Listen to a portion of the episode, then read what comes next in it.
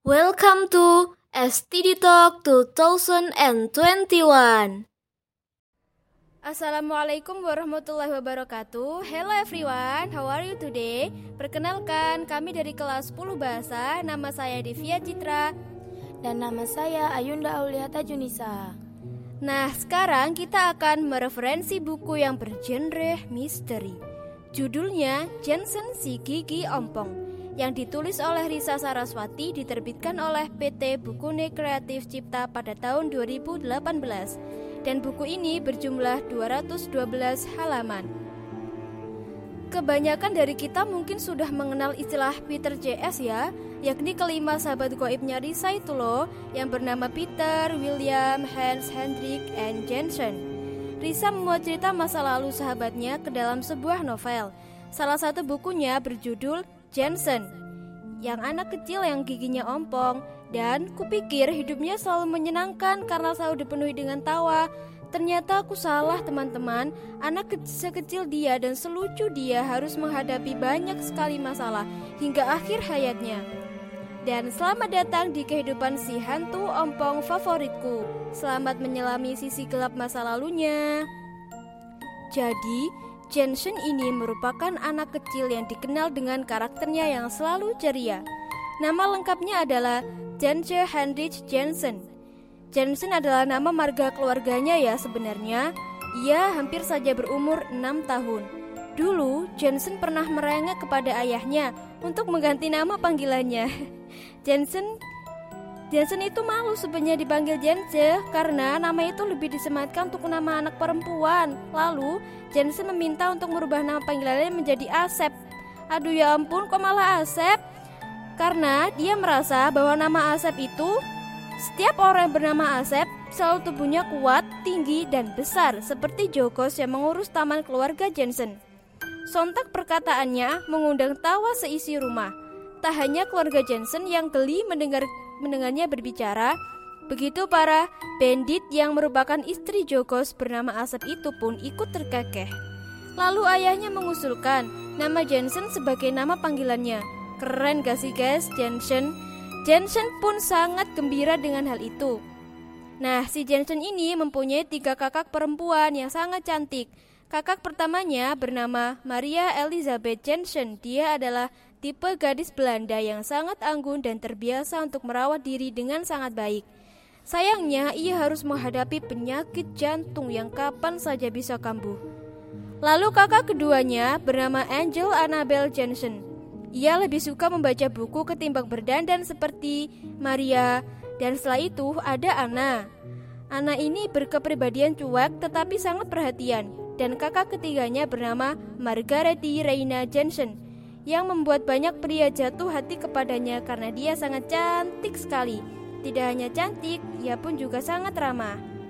Tetapi, Raina juga pernah jatuh sakit jantung lebih parah daripada Lisbeth.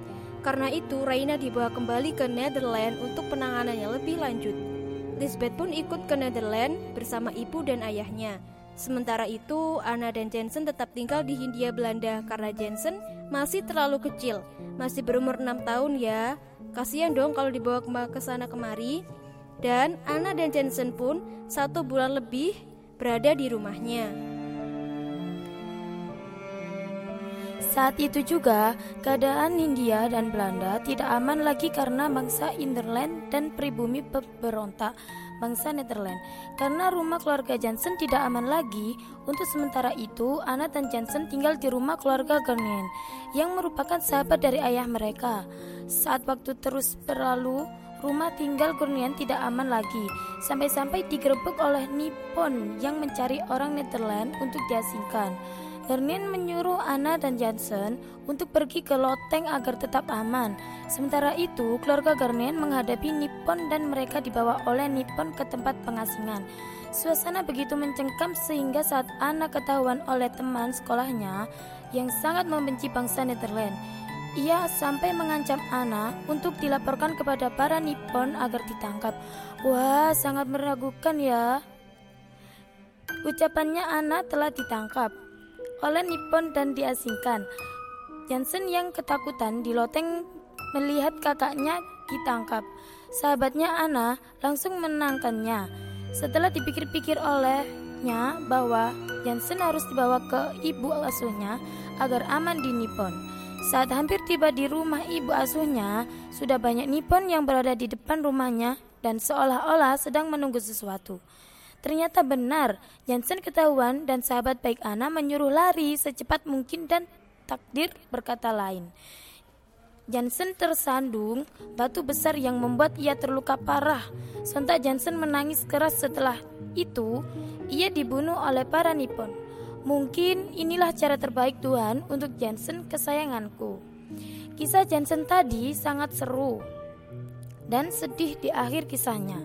Set ending maksudnya, apa sih kelebihan dari buku Jansen ini?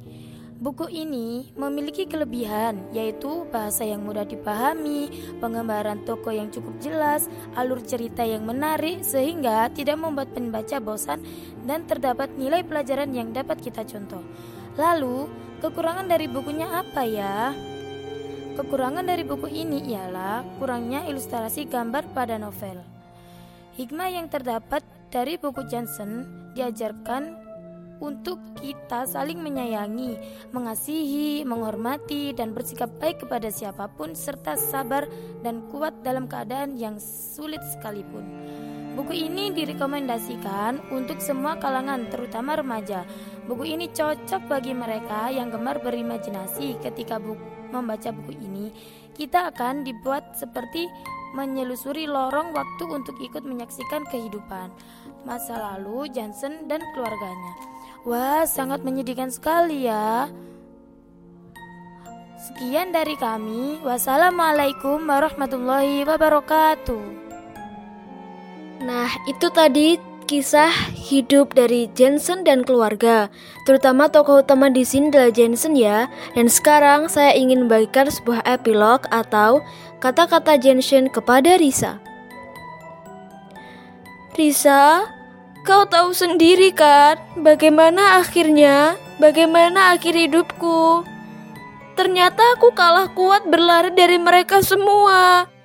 Seandainya tubuhku lebih tinggi atau umurku lebih tua saat itu, mungkin aku akan berhasil kabur dan bersembunyi di tempat yang aman.